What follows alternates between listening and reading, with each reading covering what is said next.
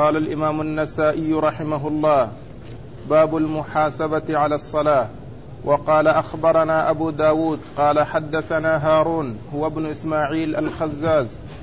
قال حدثنا همام عن قتادة عن الحسن عن حريث بن قبيصة رضي الله عنه عن حريث بن قبيصة أنه قال قدمت المدينة قال قلت اللهم يسر لي جليسا صالحا فجلست إلى إلى أبي هريرة رضي الله عنه.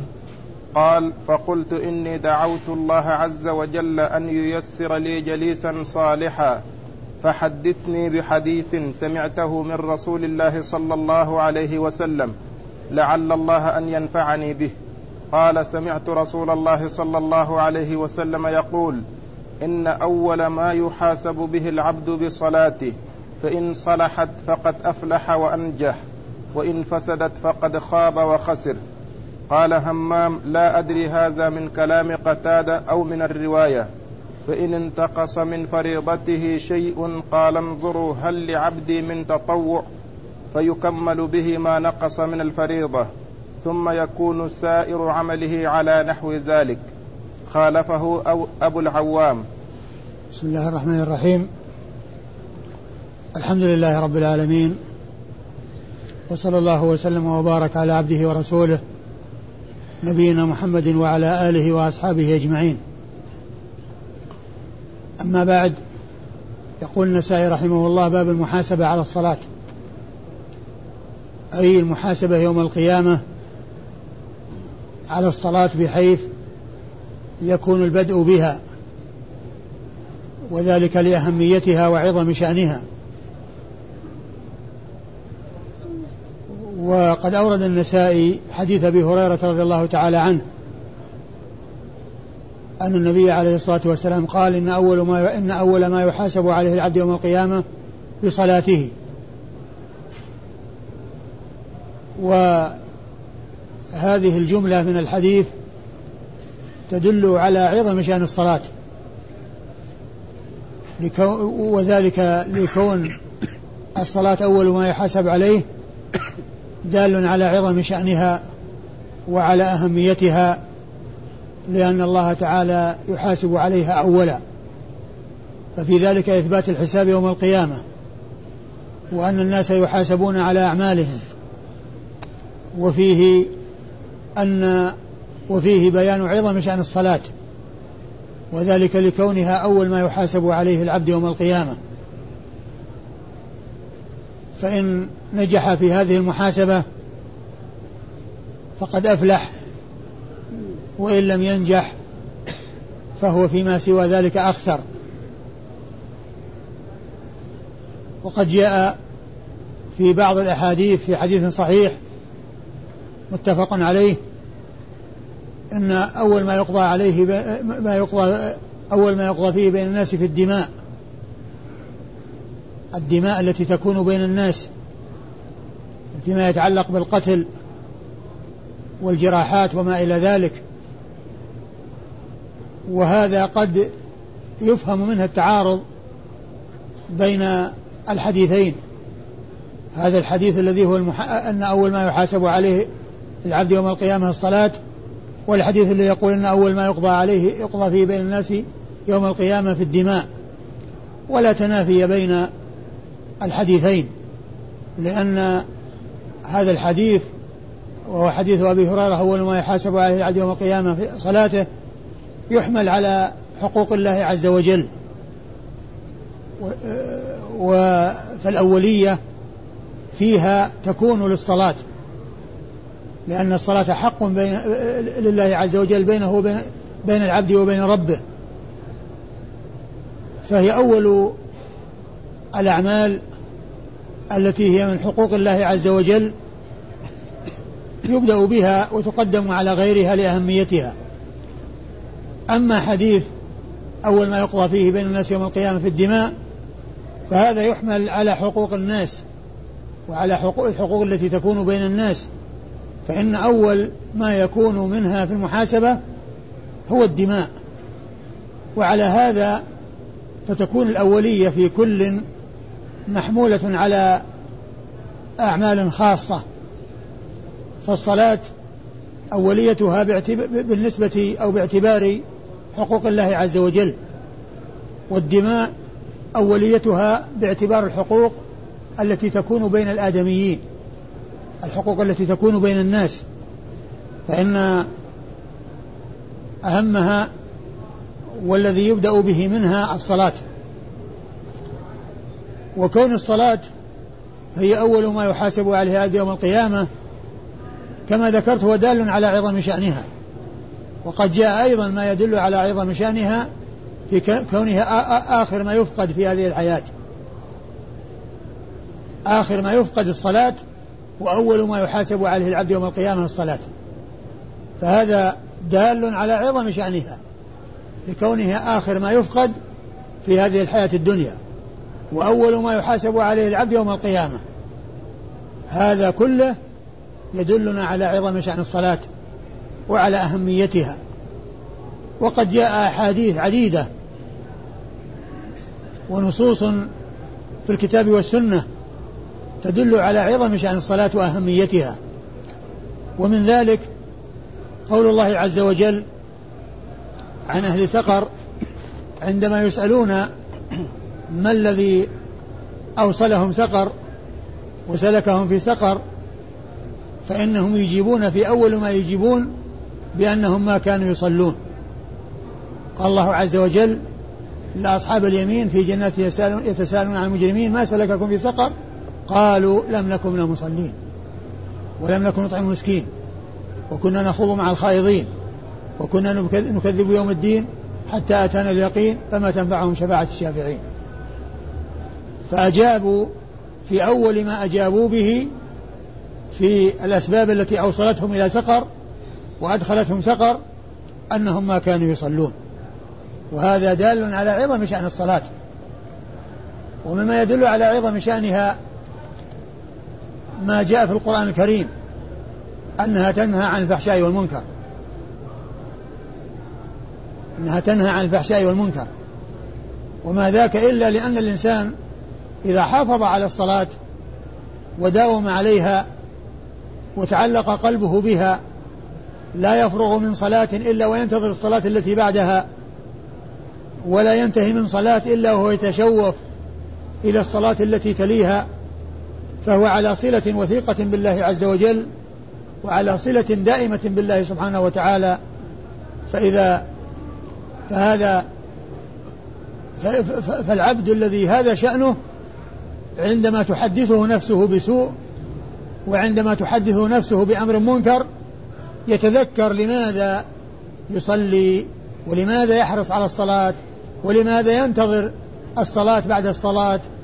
كل ذلك رجاء ثواب الله فذلك ينهاه عن أن يقع في المحرمات وأن يقع في الفحشاء لأنه ملازم لصلاته مداوم عليها يرجو ثواب الله ويخشى عقاب الله.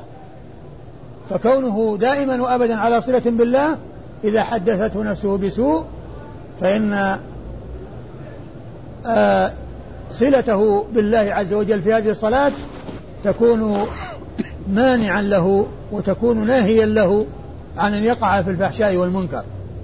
لأن الفحشاء والمنكر توقع يوقع فعلها في النار.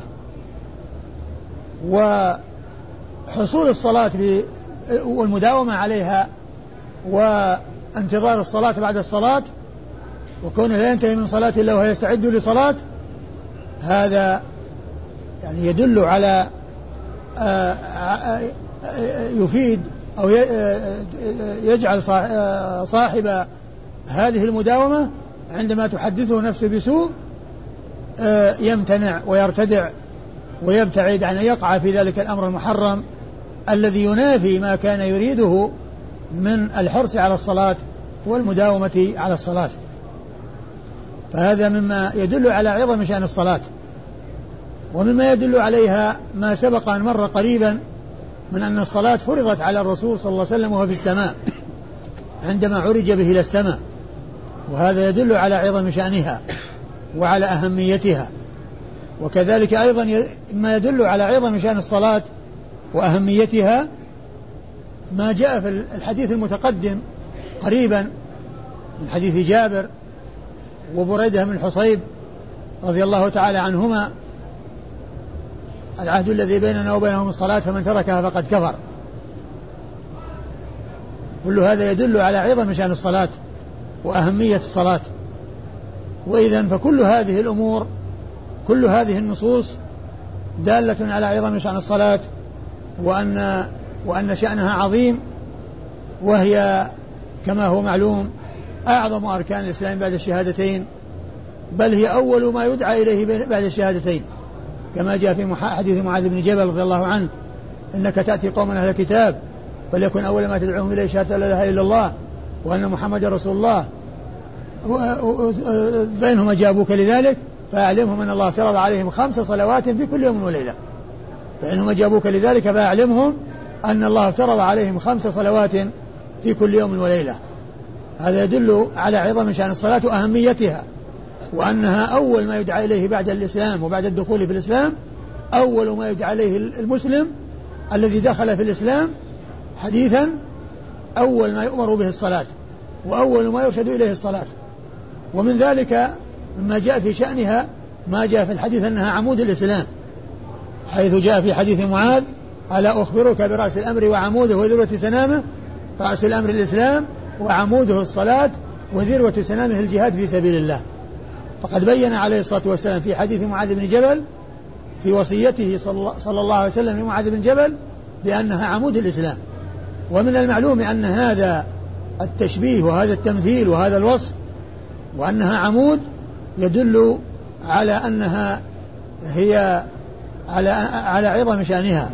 وذلك أن الإنسان عندما يتصور قيام البنيان على الأعمدة وقيام الخيام على الأعمدة وأنه إذا سقط سقطت العمود سقط ما بني عليها وإذا نزعت العمود من الخيمة وقعت الخيمة على الأرض لأنها لا تقوم الخيمة إلا بالعمود ولا يقوم البنيان إلا بالأعمدة إذا هذا كله يدلنا على عظم شأن الصلاة وأهميتها وأن الواجب على كل مسلم أن يحافظ عليها وأن يحرص عليها وأن لا يتساهل في فرض واحد منها ويكون في قرارة نفسه أنه لو أعطي الدنيا بحذافيرها على أن يترك صلاة واحدة في يوم من الدهر ما تسمح نفسه ولا تميل نفسه ولا تتجه نفسه إلى هذا الاتجاه لأن لأن ترك الصلاة شأنه عظيم خطير. والدنيا بحذافيرها لا تغني شيئا عند الله عز وجل. كما قال الرسول الكريم عليه الصلاة والسلام لو كانت الدنيا تزن عند الله جناح بعوضة ما سقى منها كافر شربة ماء. لو كانت الدنيا تزن عند الله جناح بعوضة ما سقى منها كافر شربة ماء. فهذا يدلنا فهذه النصوص كلها تدلنا على عظم شأن الصلاة. والحديث الذي معنا هو دال على عظم شأنها.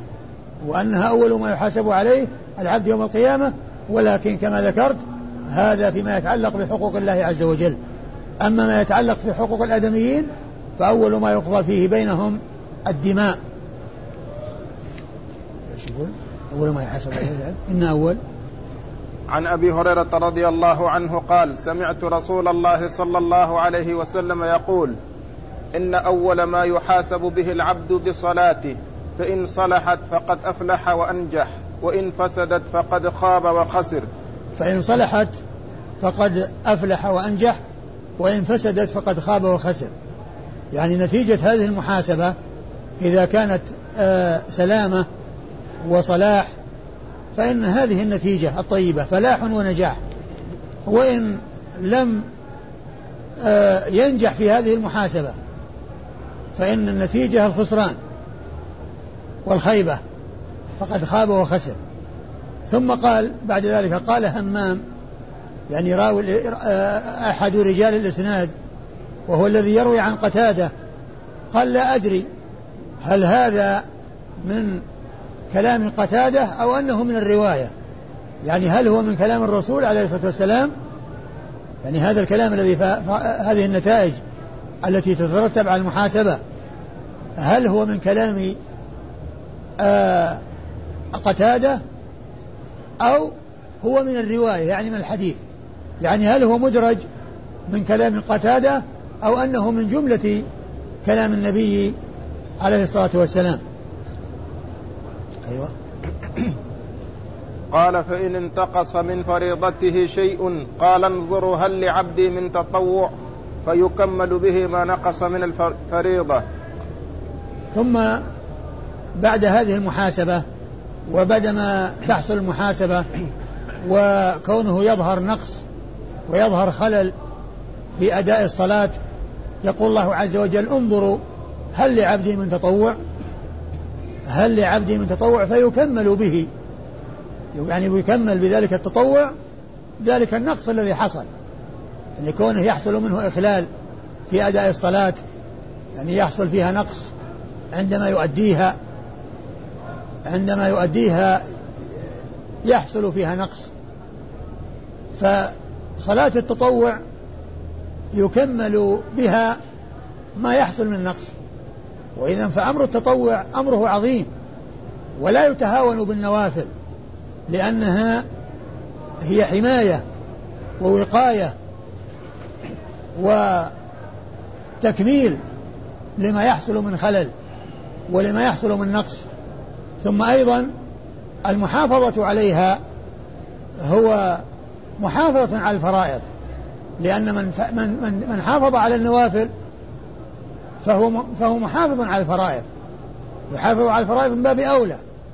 ومن تساهل بالنوافل قد يتساهل بالفرائض ومن يتساهل بالنوافل قد يتساهل في الفرائض ومن المعلوم من الفرائض هي الأساس الذي إذا خل الإنسان فيه وإذا لم يؤده الإنسان يأثم بخلاف النوافل ولكن النوافل فيها التكميل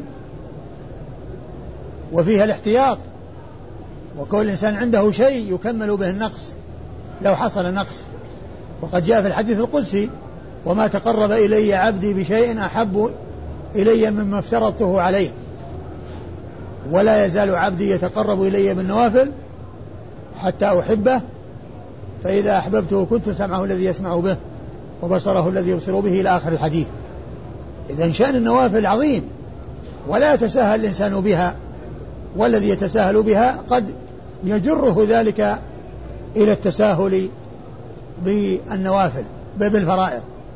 ومن حافظ على النوافل فهو محافظ على الفرائض من باب أولى. محافظ على الفرائض من باب أولى.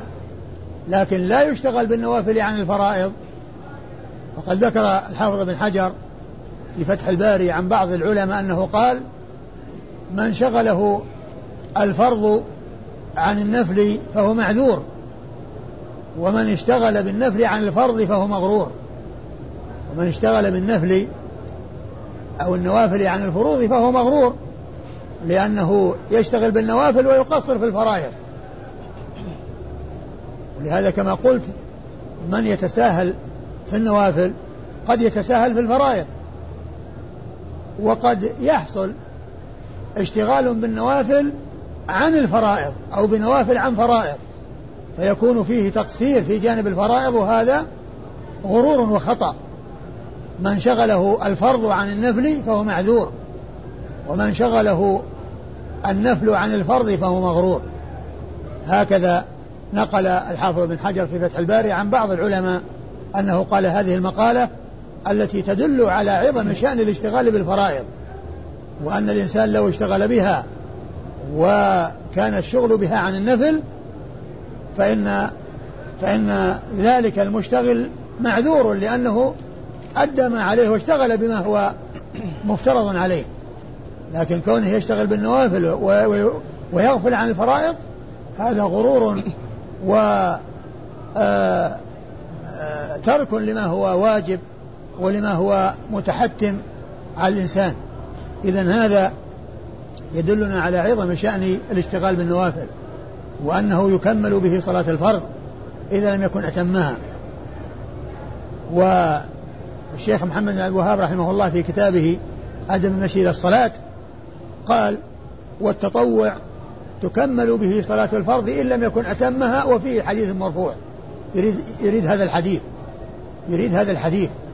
وكتاب الشيخ محمد بن الوهاب رحمه الله آه الذي هو الأدب المشي إلى الصلاة وهو كتاب لم يكمل فيه آه في فيه المشي إلى الصلاة وفيه آه الزكاة وفيه آه الصيام. ويعني آه وليس فيه شيء وراء ذلك.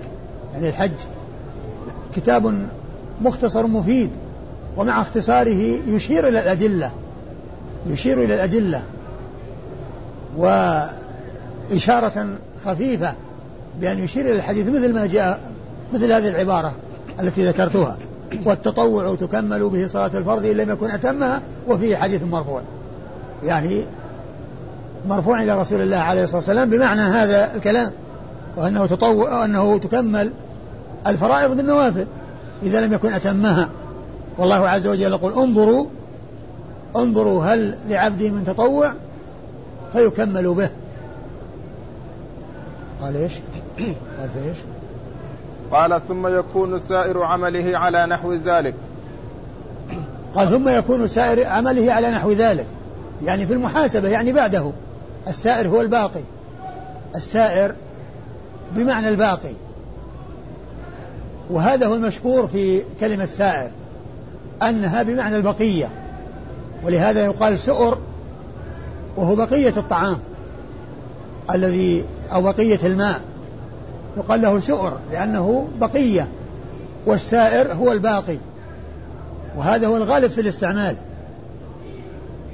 وهو المشهور عند أهل اللغة ومن العلماء علماء اللغة من قال بأن سائر تأتي بمعنى الجميع وهو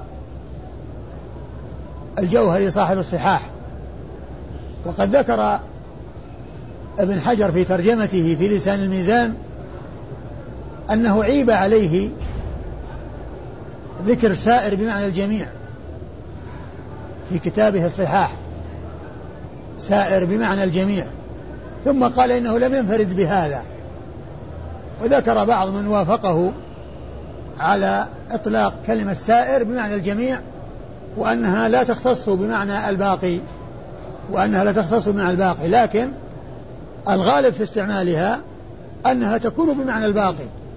وقال ثم يكون سائر عمله يعني بعد الصلاة. يعني تبعا لذلك. يعني تبعا لذلك يعني بعده. ومن المعلوم أنه إذا نجح في الصلاة إذا نجح في الصلاة فهذا يؤمل أن ينجح فيما وراء ذلك. لكن إذا خسر في الصلاة إذا خسر في الصلاة وهي عمود الإسلام وهي أعظم أركان الإسلام بعد الشهادتين يعني معنى هذا أن هذا نقص كبير. لكن إذا كان هذا النقص يتعلق بعدم إتمام مع المحافظة عليها فهذا الذي تكمله النوافل والتطوع. وأما إذا كان عدم إتيان بها فهذا هو الذي فيه الخلاف بين العلماء. هل هو كفر مخرج من الملة أو أنه كفر دون كفر أو أنه كفر دون كفر؟ نعم. قال خالفه أبو الأعوام. آه تقول هذا الإسناد أول قال أخبرنا أبو داود. قال أخبرنا يقول النسائي أخبرنا أبو داود. أبو داود هو سليمان بن سي هو هو سليمان بن سيف الحراني. نعم. سليمان بن سيف الحراني وهو ثقة حافظ خرج له النسائي. وحده؟ نعم. النسائي وحده؟ نعم. خرج له النسائي وحده. سليمان بن سيف الحراني وهو ثقة حافظ خرج له النسائي وحده. قال؟ حدثنا هارون هو ابن إسماعيل. قال حدثنا هارون هو ابن إسماعيل الخزاز وهو ثقة خرج له أصحاب الكتب الستة إلا أبا داود. خرج له أصحاب الكتب الستة إلا أبا داود. وقوله وهو ابن إسماعيل الخزاز هذه ممن دون ممن دون أبي داود تلميذه. إما من النسائي أو من أو من دون النسائي والمقصود منها بيان هذا المهمل لأن الذي يذكر اسمه ولا يذكر نسبه. أو يذكر اسمه واسم أبيه ولا يذكر نسب جده أو نسبته وهو يلتبس بغيره. هذا يسمونه المهمل في علم المصطلح. وبيانه بمعرفة الشيوخ والتلاميذ بمعرفة الشيوخ والتلاميذ أو بوجود من أو بوجود تفسير له بأن يقال هو فلان ابن فلان هو فلان ابن فلان. أو يعني ابن فلان. فقوله, فقوله هنا هارون هو ابن إسماعيل الخزاز. كلمة هو هذه قالها من دون أبي داود الذي هو تلميذ هارون. والمقصود منها الإيضاح والبيان.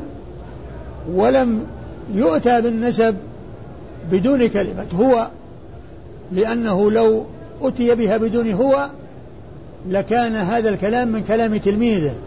وتلميذه عند الرواية ما قال ابن فلان وإنما قال فلان وسكت. فإضافة غيره ممن هو دون التلميذ يحتاج فيها إلى هذا اللفظ المشعر بأنه مما ليس من التلميذ وإنما هو ممن دون التلميذ. ومثلها كلمة يعني يعني ابن فلان. فالذي يتابه عبارتان هو ابن فلان أو يعني ابن فلان. أو يعني أي التلميذ ابن فلان آه، قائلها من دون التلميذ وفاعلها هو التلميذ. وفاعلها ضمير مستتر في يعني يرجع إلى التلميذ. وهنا ليس فيه يعني ولكن فيه هو وقائلها من دون أبي داود. أيوه. قال حدثنا همام. قال حدثنا همام ابن يحيى ابن دينار. همام بن يحيى ابن دينار وهو ثقة ربما وهم وخرج حديثه أصحاب الكتب الستة. خرج حديثه أصحاب الكتب الستة. عن قتادة. عن قتادة وقتادة هو بن دعامة السدوسي وهو ثقة حديثه خرجه أصحاب الكتب الستة أيضا. عن الحسن. عن الحسن وهو ابن أبي الحسن البصري وهو ثقة يرسل ويدلس وحديثه خرجه أصحاب الكتب الستة. عن حريث بن قبيصة. عن حريث بن قبيصة ويقال قبيصة بن حريث يعني مقلوب. ويقول ابن حجر أن قبيصة بن بن حريث أشهر. يعني هذا الموجود على خلاف الأشهر. والأشهر قبيصة بن حريث ولهذا ذكره في التقريب في حرف القاف. ذكره في حرف في حرف القاف وفي حرف الحاء أحال عليه أحال على ترجمته في حرف القاف. ولما ترجم له في حرف القاف قال ويقال حريث ابن قبيصة والأول أشهر والأول أشهر الذي هو قبيصة ابن حريث.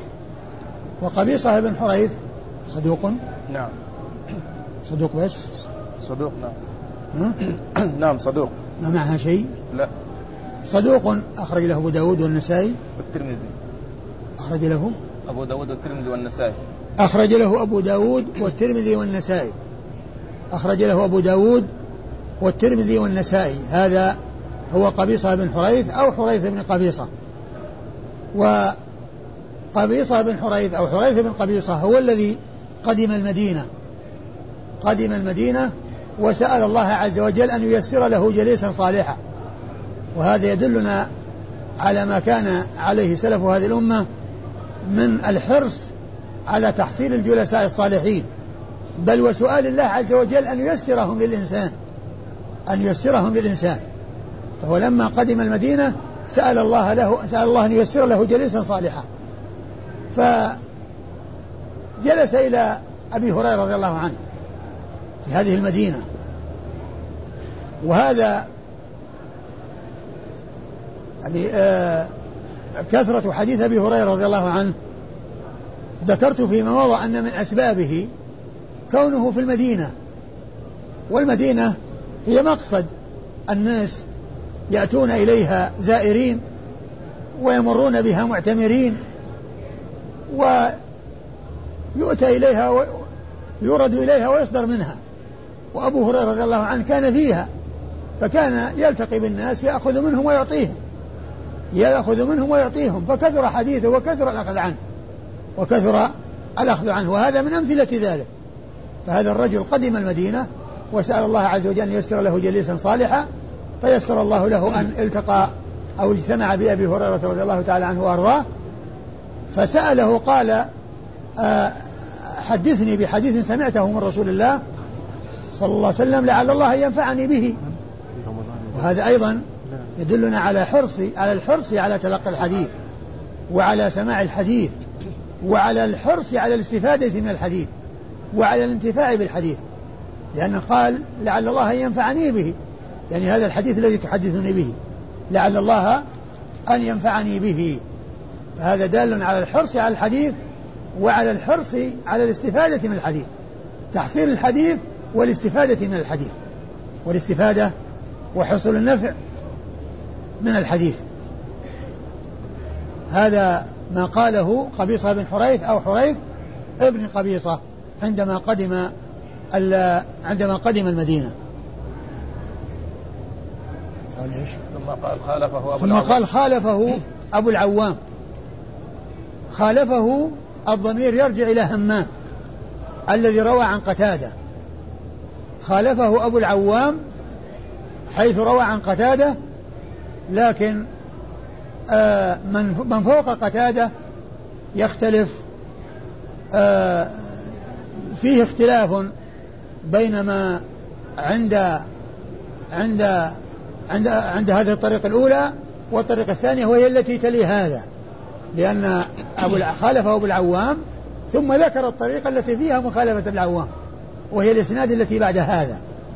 والحديث أو الطريقة التي بعد هذا فيها يعني آه، إسنادها اختلاف بين آه، ما في الكتاب وبين ما في تحفة الأشراف ولم أتمكن من آه، من من من, من معرفة ما فيه على الحقيقة. ولهذا فأنا أرجو الكلام عليه إلى الدرس القادم إن شاء الله ونتجاوز الحديث الذي الذي بعده. طيب. قال أخبرنا إسحاق بن إبراهيم قال حدثنا النضر بن شميل قال حدثنا حماد بن سلمة عن الأزرق ابن قيس عن يحيى بن يعمر عن أبي هريرة رضي الله عنه عن رسول الله صلى الله عليه وسلم أنه قال أول ما يحاسب به العبد صلاته فإن كان أكملها وإلا قال الله عز وجل انظروا لعبدي انظروا لعبدي من تطوع. فإن وجد له تطوع قال أكملوا به الفريضة. انتهى؟ إيه؟ ثم أورد النسائي حديث أبي هريرة رضي الله عنه وهو بمعنى حديثه الأول بمعنى الطريق الأولى وهو أن أول ما يحاسب عليه العبد يوم القيامة الصلاة. فإن أكملها يعني فقد نجح وقد أفلح وإلا وإلا يقول أول ما يحاسب الصلاة فإن أكملها وإلا قال الله عز وجل. فإن أكملها يعني فقد نجح يعني جواب الشرط محذوف. وإلا قال الله عز وجل انظروا. انظروا لعبد من تطوع. فإن وجد له تطوع قال أكملوا به الفريضة. فقال انظروا لعبد من تطوع. فإن وجد له تطوع قال أكملوا به الفريضة. قال أكملوا به الفريضة. وهذا بمعنى الحديث الذي قبله من أن صلاة التطوع تكمل به صلاة الفرض إذا لم يكن أتمها. يعني إذا كان في أدائها نقص. إذا كان في أدائها نقص فإنها تكمل به هذه تكمل بالنوافل الفرائض. تكمل الفرائض بالنوافل عندما يكون فيها نقص.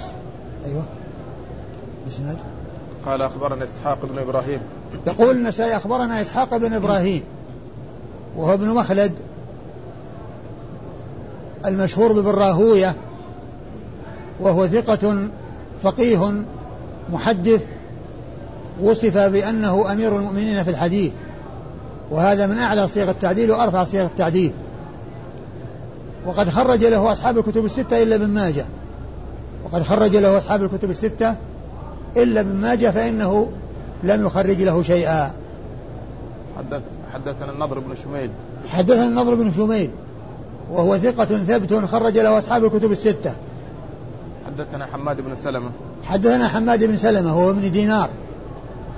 البصري وهو ثقة عابد خرج حديثه البخاري تعليقا ومسلم وأصحاب السنة الأربعة. ومسلم وأصحاب السنة الأربعة وهو حماد بن سلمة بن دينار أبو سلمة. فهو مما وافقت كنية اسم أبيه. يعني فلو قيل حدثنا حماد أبو سلمة لا يظن أن أبو مصحف عن ابن لأن هذا صواب وهذا صواب. لأنه حماد بن سلمة هو حماد أبو سلمة. حماد أبو سلمة وحماد بن سلمة. فلا إشكال لو جاء حماد أبو سلمة. والمشهور حماد بن سلمة. ولا يقال أنه تصحيف لأنه هو حماد أبو, أبو هو أبو سلمة وهو بن سلمة.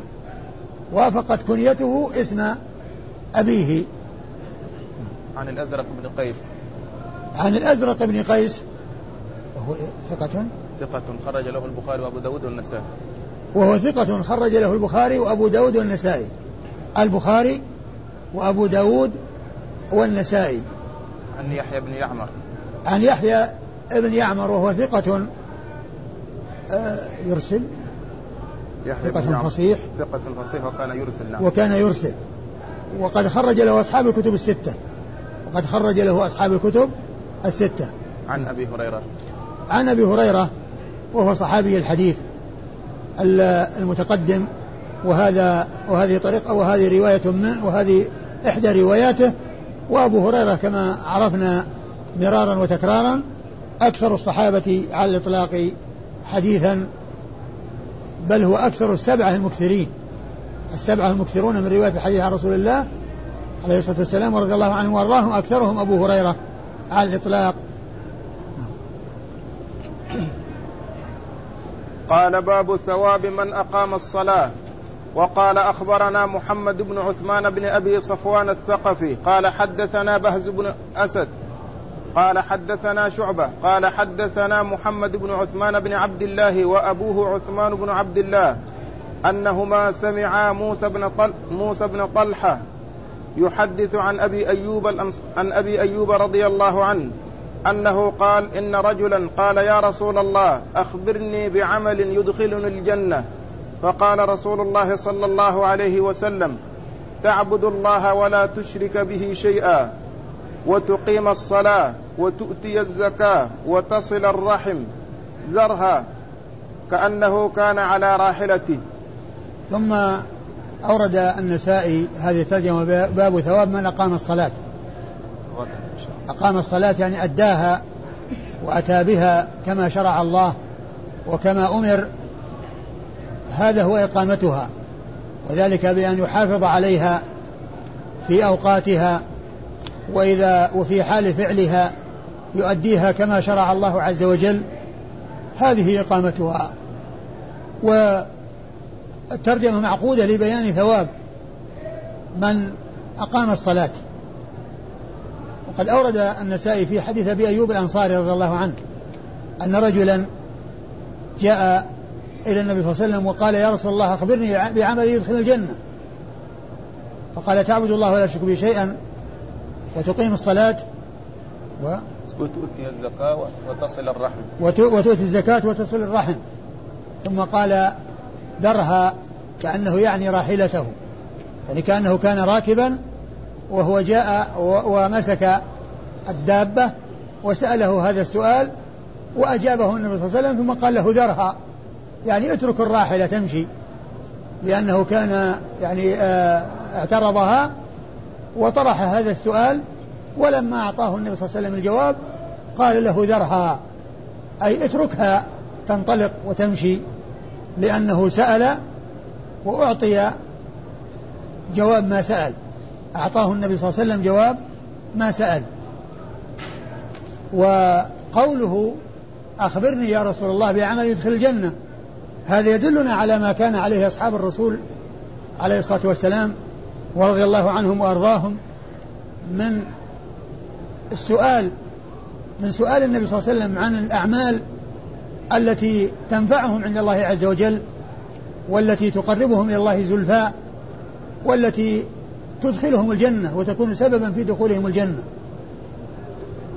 وهذا يدلنا على أمور منها أن الأعمال سبب في دخول الجنة. والله تعالى قدر السبب والمسبب وقال ادخل الجنة بما كنتم تعملون. فالأعمال هي سبب دخول الجنة ولا ينافي ذلك ما جاء لن يدخل, لن يدخل أحدكم بعمله الجنة. قالوا ولا أنت يا رسول الله ولا أنت يا رسول الله. قال ولا أنا, ولا أنا إلا أن يتغمد الله برحمة منه. فإن المقصود من ذلك أن قوله آه لن يدخل أحدكم بعمله الجنة يعني على سبيل المعاوضة وأنه ليس لله منة عليه. لا بل الفضل والمنة لله عز وجل عليه في جميع الأحوال لأنه تفضل عليه أولا بالعمل وهو لم يحصل له العمل الصالح إلا بتوفيق الله عز وجل وفضله وامتنانه. فتفضل بالسبب ثم تفضل بالمسبب. وأما قوله ادخل الجنة بما كنتم تعملون يعني الله قدر أن وشرع وجعل أن من عمل صالحا فإنه يثاب عليه لكن هذا الثواب ليس على سبيل المعاوضة بل هو فضل وامتنان من الله عز وجل تفضل منه سبحانه وتعالى. تفضل بالسبب ثم تفضل بالمسبب. تفضل بالسبب الذي هو العمل الصالح والتوفيق له والمسبب الذي هو الوصول إلى الجنة التي جعل الله عز وجل الأعمال سببا في دخولها. ولكن الأعمال الصالحة والحصول عليها هو من توفيق الله سبحانه وتعالى وحصول الجنة هو بتوفيق الله عز وجل. فإذا السبب والمسبب كلاهما بفضل الله عز وجل العمل الصالح بفضله والجنة التي هي ثواب العمل الصالح هي بفضله سبحانه وتعالى. ثم أيضا يدلنا على أن أصحاب الرسول صلى الله عليه وسلم وهم خير هذه الأمة كانوا يسألون عن الأعمال تدخلهم الجنة ويتعبدون الله بالأعمال تدخلهم الجنة.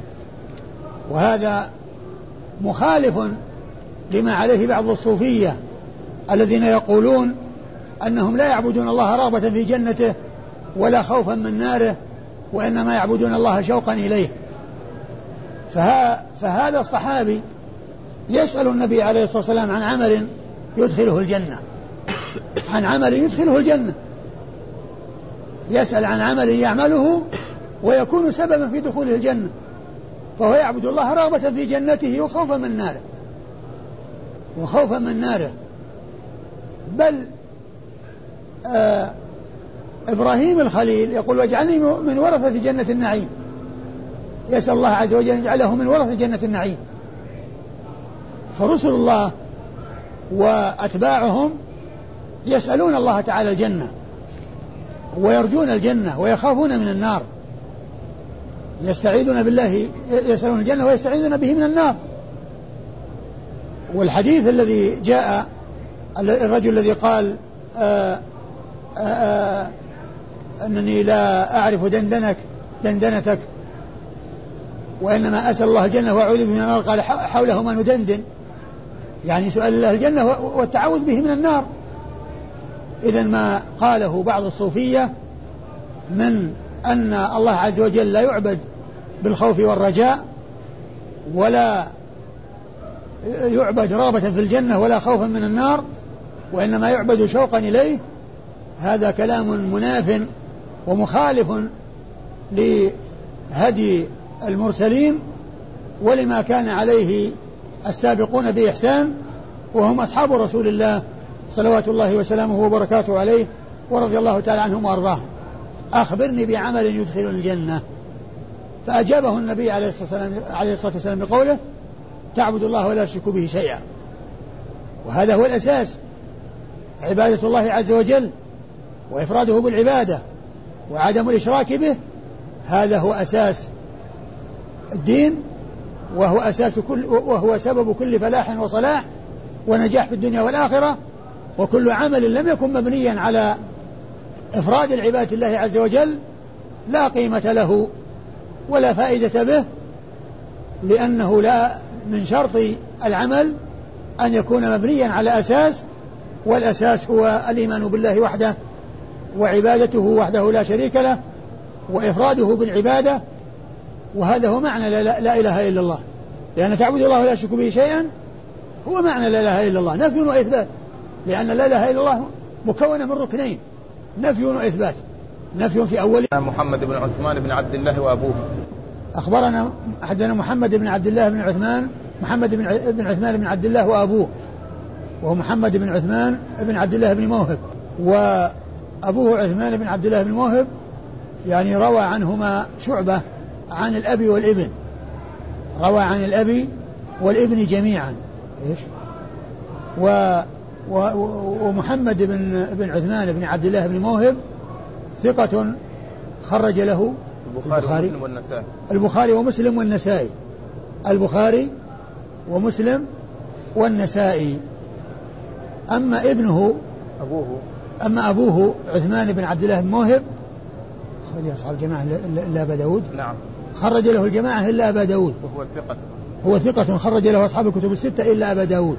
نعم. إنه ما سمع موسى بن طلحة. إيش قال عن موسى بن طلحة؟ موسى بن طلحة بن عبد الله التيمي المدني أيوه. ثقة جليل روى له الجماعة. وهو وهو ثقة جليل روى عنه أصحاب الكتب الستة موسى بن طلحة التيمي. أيوه. عن أبي أيوب.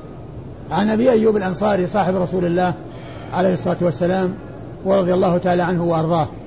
والله تعالى أعلم وصلى الله وسلم وبارك على عبده ورسوله نبينا محمد وعلى آله وأصحابه أجمعين.